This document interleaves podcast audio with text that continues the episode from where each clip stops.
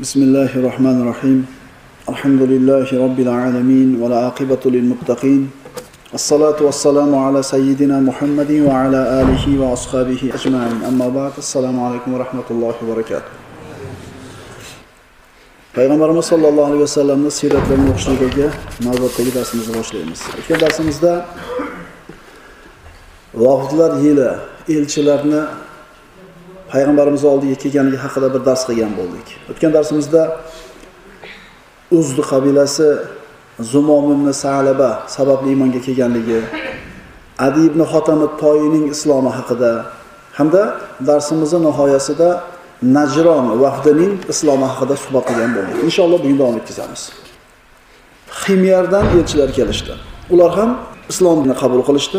Payg'ambarimiz sollallohu alayhi vasallam ularga bir maktub yozib berdi. Va mana shu maktub hozirgi kungacha saqlanib qolingan. Bu maktub ulamolarga zakot masalasidagi marja hisoblanadi. So'ngra bujayla qabilasi bujayla vaqti keldi. Ularni boshlig'i abdulloh ibn jarir al bujli roziyallohu anhu edi. Bu kishining islomi mana to'qqizinchi yilning oxirlarida sodir bo'ldi. Abdulloh ibn jarir roziyallohu anhu aytadi biz madinaga juma namozi vaqtida yetib keldik. Islomga kirmoqchi edik g'usul qilib masjidga kirdik. Juma namozi boshlangan payg'ambarimiz e, minbarda turib xutba aytayotgan edi. Kirsak nabiy sollallohu alayhi vasallam sukut qilib turgan ekan hamma eshikka tikilib turgan edi. Men kirishim bilan hammani ko'zi menga qadaldi. Qaysi tomonga yursam mendan hech kim ko'zini olmas edi. Hayron bo'ldim. Nimaga menga qaraydi hamma? Biror bir o'tirgani joy istab yurar ekanman u yoqqa yursam ham bu yoqqa yursam ham odamlar mendan ko'zini uzmas edi. Xutba to'xtagan payg'ambarimiz sukut qilib turibdi hamma menga qarab turibdi. So'ngra bir joy topib o'tirdida kishi aytadi yonimdagi kishidan so'radim. Rasululloh men haqimda biror narsa dedimi? Hamma uch kishiga qarab turibdi. U kishi ha dedi. Siz kirishingizdan oldinroq siz kirishingizdan oldinroq nabiy sallallohu alayhi vasallam shunday dedi. Sizlarning oldingizga bu eshikdan yaman ahlining eng yaxshi kishisi kiradi dedi. Unda podshohning bir shakli podshohning ko'rinishi bor. Yadkhulu alaykum min hadal bab khayru ahli yaman alayhi masxatul malik. Abdulloh ibn jarir roziyallohu anhu yaman ahlining eng yaxshi kishisi ekanligiga payg'ambarimiz mana shu joyda guvohlik bergan edi. Abdulloh ibn jarir baland bo'yli odam edi. Otda o'tira olmas edi juda ko'p yiqilib tushar edi. Islomni qabul qildi payg'ambarimiz juda bir xursand bo'ldi u kishining islomiga. Va aytdiki ya rasululloh dedi abdulloh ibn jarir men otda sobit o'tira olmayman dedi. Payg'ambarimiz duo qildi. Parvardigor uni sobit qilgin va hidoyatda va hidoyat qiluvchi kishilardan qilgin deb duo qildi. Ya'ni hidoyatda bo'lsin o'zi boshqalarni ham hidoyatiga sabab bo'lsin. Shu kundan boshlab deydi abdulloh ibn jarir otdan yiqilmay qo'ydi. Fiq jihatidan abdulloh ibn jarirning islomga kirishi va bu kishining rivoyat qilgan hadislarini qadri baland. Chunki bu kishi payg'ambarimiz sollallohu alayhi vasallamning umrini oxirgi yillarida iymonga keldi. Hijratning to'qqizinchi o'ninchi yilida iymonga keldi. Va aytadi u kishi qachon rasulullohni oldiga kirishlikka izn so'rasam menga albatta ruxsat berilardi. A boshqalar payg'ambarimiz oldiga bu kishi osonlik bilan kirib ketgandek doim kira olmas edi. Shuning uchun payg'ambarimizni oxirgi umrining oxirgi qismida aytgan hadislarini abdulloh ibn jarir roziyallohu anhu ko'p rivoyat qilgan. Va qaysi hadis? Abdulloh ibn jarir rivoyat qilgan hadis bilan agar qarama qarshi to'qnash kelib qoladigan bo'lsa abdulloh ibn jarirni hadisi nariya hadisni nasx qilar edi. Chunki bu kishining islomi boya aytganimizdek payg'ambarimizning umrini oxirgi davrlariga to'g'ri keldi. So'ngra banuddo qabilasi keldi. Ularni boshlig'i tamim addari roziyallohu anhu. Tamim addari. Bu kishi mana imomi muslimning sahihlarida dajjol haqida bir qissa keltiriladi. Ana shu qissani tamim addari roziyallohu anhu rivoyat qilgan dajjolni bir orolga borib ko'rganligi u bilan suhbatlashganligini mana shu kishi mana shu sahoba payg'ambarimizga aytib bergan edi. To'qqizinchi yilning oxirlarida nabiy sollallohu alayhi vasallam xolid ibn valid roziyallohu anhuni banu haris ibn kab qabilasiga qo'shin bilan yubordi. Musulmonlarni qo'shini kelayotganligini ko'rib bu qabila islomni qabul qildi. Qo'shin keldi qo'shinni ko'rib islomga kelishdi. So'ngra Xolid ibn Valid roziyallohu anhu bilan bir to'p bu qabilaning elchilari payg'ambarimiz oldiga keldi. Shunda payg'ambarimiz og'ir so'zni aytdi. Hali hech qaysi qabilaga bunday so'zni aytmagan edi. Payg'ambarimiz ular kelib payg'ambarimiz oldida turganida aytdilarki la tuslimun hatta ta'tikumul khoyl ustinglarga qo'shin kelmagunicha islomga kirmaysizlarmi dedi. Va mana shu gapini butun qabilalarga tarqashligini xohladi. Ular sukut qilishdi. Payg'ambarimiz ustinglarga qo'shin kelmagunicha islomni qabul qilmaysizlarmi? dedi. Ular sukut qilishdi. To'rt marta payg'ambarimiz shu gapini aytdi. So'ngra aytdiki vallohi dedi. Agar Xolid sizlarni islomingizni olib kelmaganida boshlaringlarni oyog'ini tagiga qo'yardim dedi. Ya'ni oyog'im bilan boshinglarni ezardim dedi. Agar Xolid sizlarni islominglarni olib kelmagan dedi. Shunda banu haris ibn kabdan bo'lgan bir hakim kishi aytdi allohu va rasuluhu aman e, afzal. Ya rasululloh bizni bu yerga Xolid ham olib kelgani yo'q. Bizni bu yerga siz ham olib kelganingiz yo'q. Bizni bu yerga Alloh olib keldi dedi. Payg'ambarimiz sallallohu alayhi vasallam to'g'ri aytdingiz dedi. Mana shu so'z atrofga tarqadi. Shundan ma'lum bo'ldiki endi qaysi bir qabila yaxshiligi bilan o'zi islomni qabul qilgani payg'ambarimiz oldiga kelmaydigan bo'lsa payg'ambarimiz ularni boshlarini oyog'ini ostiga qo'yishligi aniq edi. Mana shu xabar tarqagandan keyin endi atrofdagi qolgan islomni qabul qilmagan qabilalar endi shoshilganicha madinaga elchilarni yuborishni boshlashdi. Banu horis ibn kab qabilasi boshqa qabilalarning islomiga sabab bo'lishdi. Bujayla va uz qabilalarini islomga kirishi bilan yaman islomda bo'ldi. Endi yaman ahliga payg'ambarimiz islomni ta'lim berishlik uchun ikki sahobasini abu musol ashariy va muoz ibn jabal roziyallohu anhularni jo'natdi. U ikkisini yamanga jo'natayotib ularga ixtilof qilmanglar dedi. Ixtilof qilmanglar dedi. So'ngra muoz ibn jabalni payg'ambarimiz quchoqlab bag'riga bosdi. Muoz roziyallohu anhuni payg'ambarimiz qattiq yaxshi ko'rardi bag'riga bosib turib aytdiki ehtimol bugundan keyin ko'rishmasmiz dedi mana endi mana endi Muoz ibn Jabal roziyallohu anhu Rasululloh bilan oxirgi marta uchrashib turganligini eshitdi. rasulullohni orqasida iymon keltirib, qancha jangu jadal, qancha mehnat, mashaqqatlarni ko'targan, din uchun borini fido qilgan, Rasulullohni otasidan ham, onasidan ham, bolasidan ham, hatto o'zini ham jonidan ko'proq yaxshi ko'rgan Rasululloh bilan oxirgi marta ko'rishib turganligini payg'ambarimizdan eshitib turibdi. Muozim Jabal qattiq yig'ladi. So'ngra aytdiki, Nabiy sallallohu alayhi vasallam o'zini o'limini xabarini beryapti dedi. Bu ikki sahoba Yamanga ketdi. So'ngra Qur'oni Karim suralaridan oxirgi sura bo'lib Nasr surasi nozil bo'ldi. بسم الله الرحمن الرحيم إذا جاء نصر الله fath ورأيت الناس nasa yadkhuluna fi dinillahi afwaja fasabbih bihamdi robbika واستغفره innahu kana tawwaba. Ey muhammad qachon Allohning yordami va g'alaba kelsa va odamlar to'p-to'p bo'lishib Allohning diniga kirayotganlarni ko'rsangiz darhol Parvardigoringizga hamd etish bilan u zotni poklang va u zotdan mag'firat so'rang. Zero u tavbalarni qabul qilguvchi bo'lgan zotdir. Bu sura nozil bo'lganda abu bakr siddiq roziyallohu anhu yig'ladi. Sahobalar kelib ey abu bakr axir odamlarni Allohning diniga to'p to'p bo'lib kirishligi xayriyatku nimaga yig'layapsiz? dedi. Abu bakr siddiq Alloh bizga rasulining o'limini xabarini beryapti dedi. Ya'ni odamlarni dinga to'p to'p bo'lib kelayotganligini ko'rishlik bu rasulullohni qiladigan ishini yer yuzida nihoyasiga yetganligini bir alomati edi. Buni Abu Bakr tushundi, boshqalar tushunmadi. Odamlar Allohning diniga to'p-to'p bo'lib kirishdi. Rasulullohning vazifasi nihoyasiga yetdi. Allohning fazli bilan so'ngra payg'ambarimizning saboti sabablik islom g'olib bo'ldi. Zohir bo'ldi, yengdi. Rasululloh omonatni yetkazdi. Vazifani ado qildi. Ummatga nasihat qildi va Alloh yo'lida haq jang qildi. Islom Arabiston jazirasida, Arab yarim orolida mustahkam o'rnashdi, sobit o'rin oldi. Endi bu ish, ya'ni mana shu ishni odamlarga yetkazishlik, futuhotlar, da'vatni yer yuzida yoyishlik Rasulullohning sahobalarini zimmasiga o'tdi. Rasulullohdan soqit bo'ldi endi.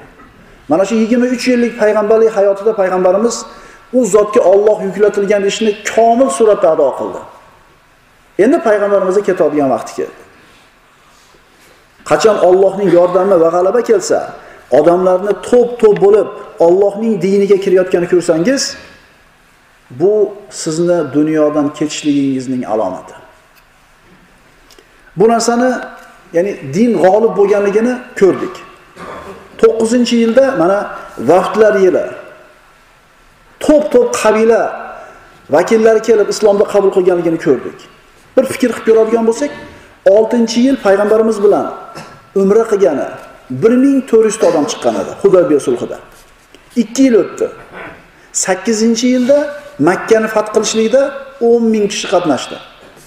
Mana endi vaqtlar yilidan keyin payg'ambarimiz sollallohu alayhi vasallam bilan haj qilgani, kelgan kishilarning adadi eng kamida 100 ming deb aytiladi. 140 minggacha aytiladi.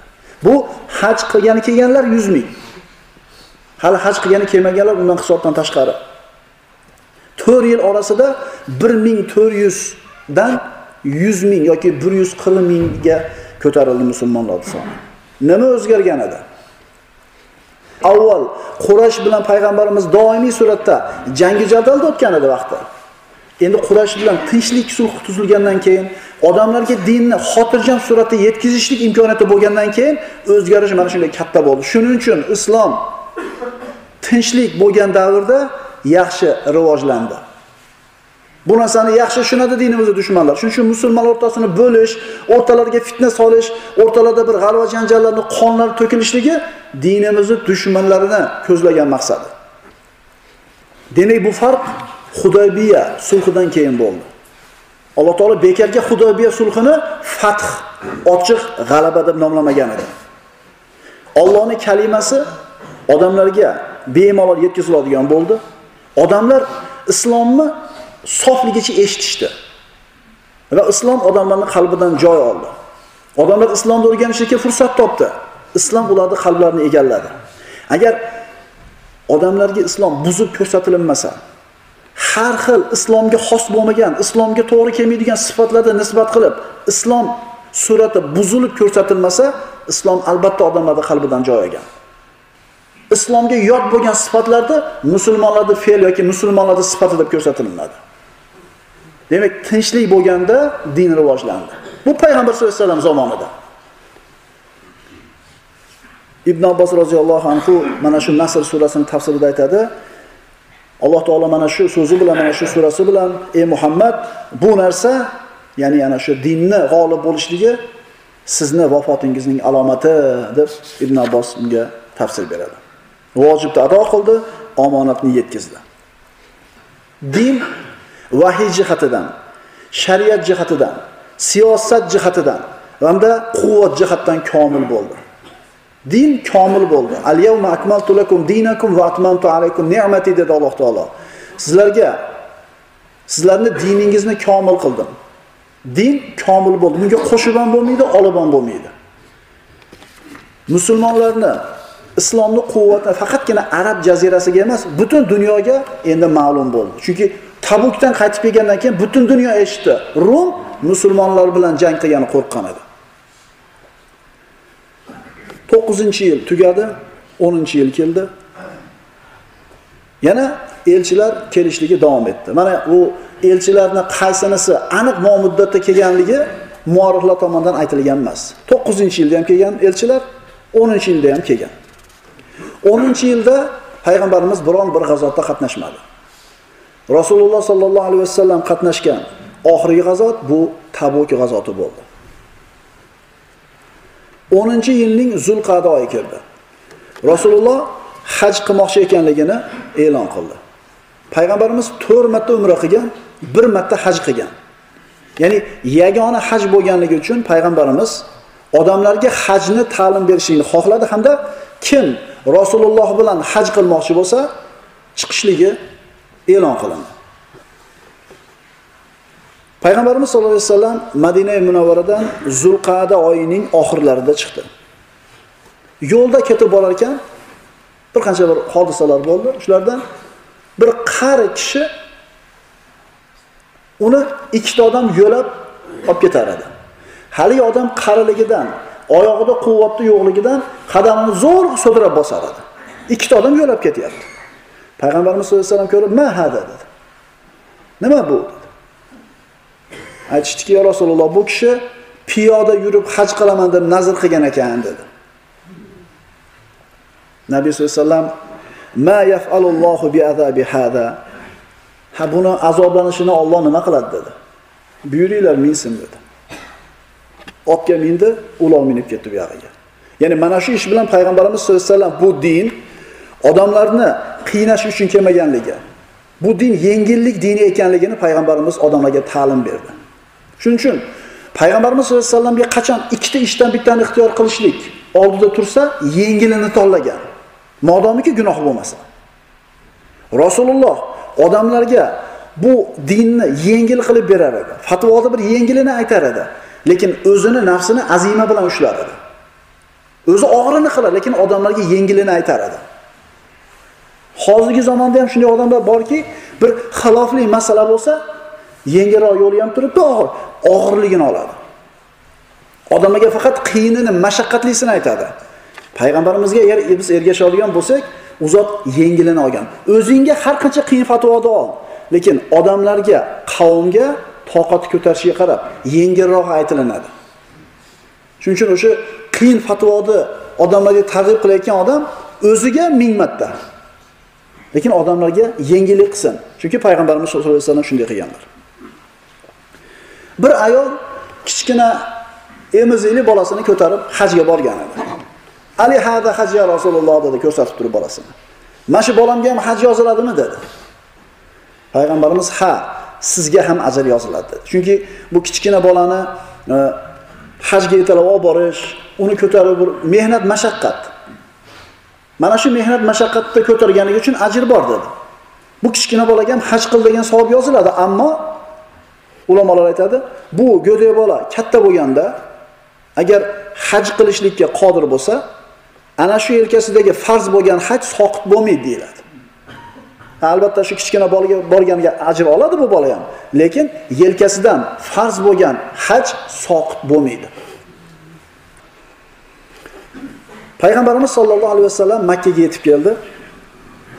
Kelib umra qildi. Mana bilasizlar, hajni turlari bor. Ifrot haji, tamattu haji hamda qiron haji. Ifrot haji bu umra qilinmaydi, faqat haj qilishlikni, umra qilmasdan faqat haj qiladigan odam bu ifrot hajini qiladi. Ikkinchi hajning ikkinchi turi, hajning ikkinchi turi bu tamattu. Bu e, haram hududiga kirgandan keyin tamattu hajini qilayotgan odam avval umra qiladi. Keyin ehromdan chiqib oddiy kiyimlarni kirib oddiy yuradi. Zulhijjaning 8-chi tarviya kuni kelganda yana ehromga kiradida, haj amallarini nihoyasiga yetkazib, keyin ehromdan chiqadi. Endi 3-turi qiron haji. Bu qiron hajini qilmoqchi bo'lgan odam umra qiladi, ammo ehromidan chiqmaydi. Bu endi qiyini. 5 kun bormi, 6 kun bormi ehromida yuradi. To haj amallarini qilib bo'lgunga qadar ehromidan chiqmaydi. Payg'ambarimiz sollallohu alayhi vasallam aytganlar, o'zi payg'ambarimiz qiron hajini bajardi. Chunki o'zi bilan jonliqni, qurbonlik uchun so'yiladigan jonliqni haydab kelgan edi. Rasululloh qiron hajini bajardi, lekin aytdiki, agar men qurbonlikni o'zim haydab kelmaganimda tamattu hajini qilardim dedi. Qurbonlik jonlig'ini o'zi bilan birga haydab kelgan kishi qiron hajini qiladi. Shuning uchun payg'ambarimiz jonliq haydab kelmagan sahobalariga tamattu hajini qilinglar deb aytdi. Demak, hajning afzal turi bu tamattu haji. Nabiy sallallohu alayhi vasallam umrasini qilib bo'ldi hamda Zulhijjaning 8-kuni tarbiya kunigacha ihromidan chiqmadi chunki aytdik mana u zot qiron hajjini qilgan endi sakkizinchi kun tarbiya deyilishini sababi minoda suv bo'lmas edi u payt. Hozir endi bor endi. Minoda suv bo'lmas edi odamlar minoga chiqib ketishligi uchun suv olishardi. Ana shu suv oladigan kun bo'lganligi uchun yavmul tarviya tarviya kuni deb nomlandi. Sakkizinchi kuni payg'ambarimiz minoda turdi.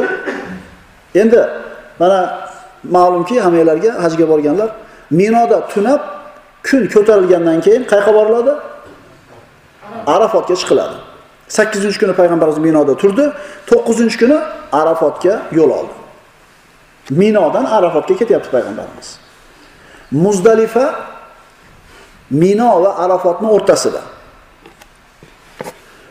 Johiliyat davrida mushrik arablar haj qilishar edi minoda turishardi arafotda turishardi muzdalifada turishar edi faqat qurayshlik kishilar haj qilgani chiqsa islomdan avval bu. Minoda tunashar edida muzdalifaga kelganda arafotga bormasdan muzdalifada qolishar edi. Chunki arafot haramning tashqarisida haram hududining tashqarisida muzdalifa haramning ichida. Ular aytar edi biz ahli harammiz haram ahlidanmiz.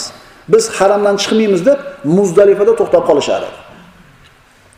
Endi payg'ambarimiz sollallohu alayhi vasallam minodan arafotga ketyapti odamlar qarab turishibdi. Nima qiladi? Arafotga boradimi yoki qurayshliklar qilgandaqa muzdalifadan chiqmasdan haramdan chiqmasdan qoladimi? Payg'ambarimiz sollallohu alayhi vasallam muzdalifada to'xtamadi. Arafotga o'tib ketdi. Shu bilan qurayshliklar o'zlarini boshqalardan ajratib oladigan mana shu amali noto'g'ri ekanligi dinda bu narsa yo'qligini payg'ambarimiz e, ko'rsatib berdi. So'ngra aytdilarki al hajju arafa. Haj bu arafa dedilar. Mana shu hadisni aytilishligini sababi shu. Arafotga chiqmagan odamning hajji haj bo'lmaydi. So'ngra 100 mingdan ortiq to'plangan mana shu joydagi musulmonlarga hojilarga payg'ambarimiz hajjatul vadodagi vidolashuv xutbasini aytdi. 100 yoki bir yuz qirq ming deyiladi kitoblarda. Mana shuncha odam payg'ambarimiz sollallohu alayhi vasallam oldida turib xutbani eshitdi. Payg'ambarimiz sollallohu alayhi vasallam namiraga yetib keldi. Shu joyda payg'ambarimiz odamlarga xutba qildi. Mana rasulullohning oxirgi xutbasi.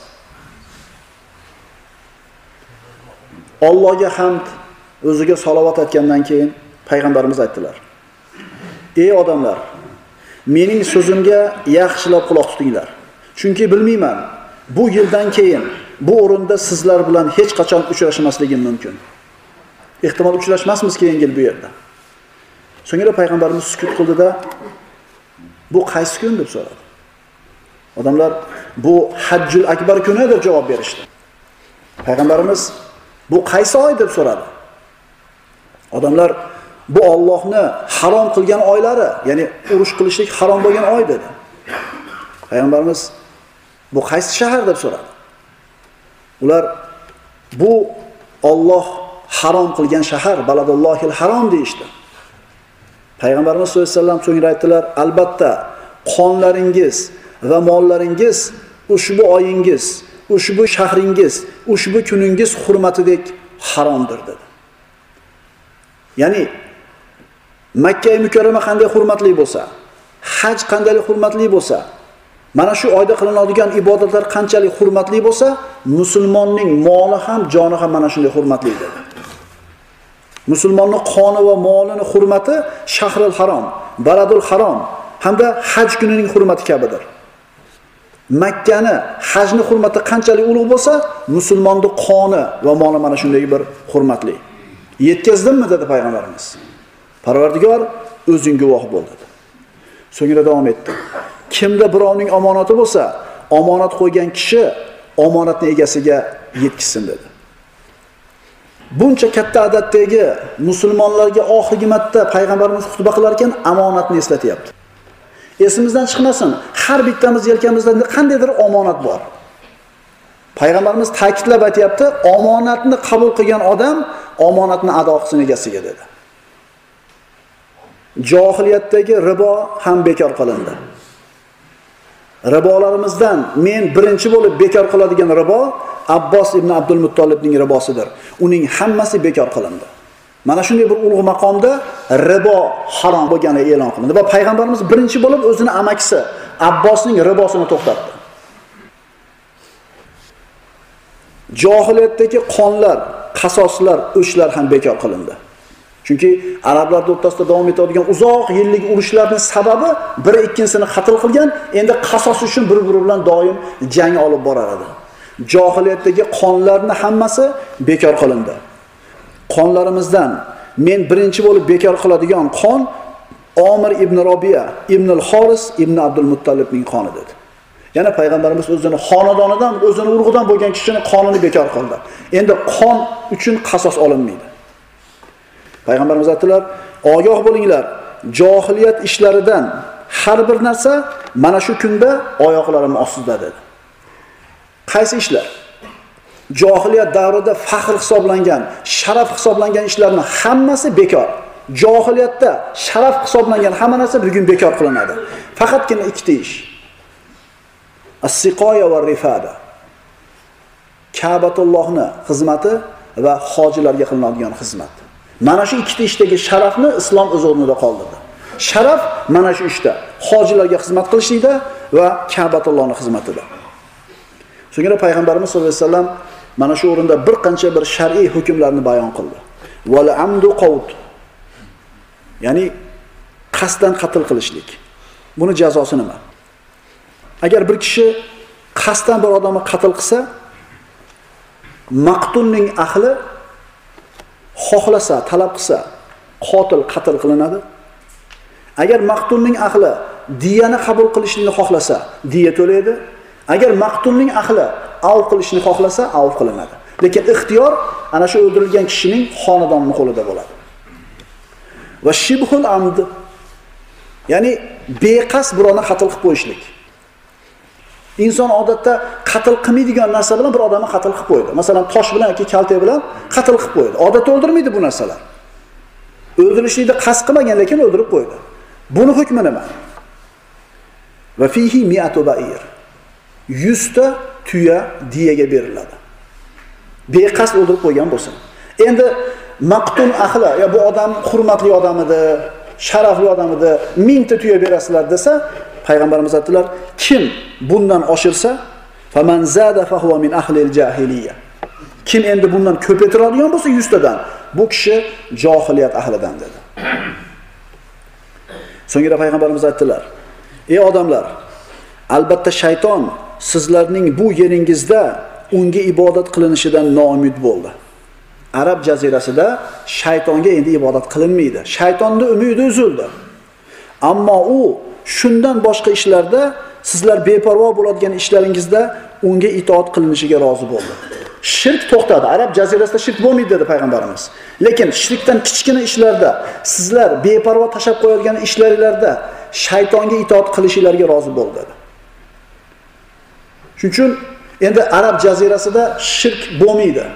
Faqatgina endi qiyomat soati yaqinlashganda mana shu paytda endi Arabiston yarim oroliga ham shirk qaytadi. So'ngra payg'ambarimiz aytdilar: "Ey odamlar, albatta nasiy kufrdagi ziyodalikdir." Nasiy nima? Kofir bo'lgan kishilar u bilan adashadilar.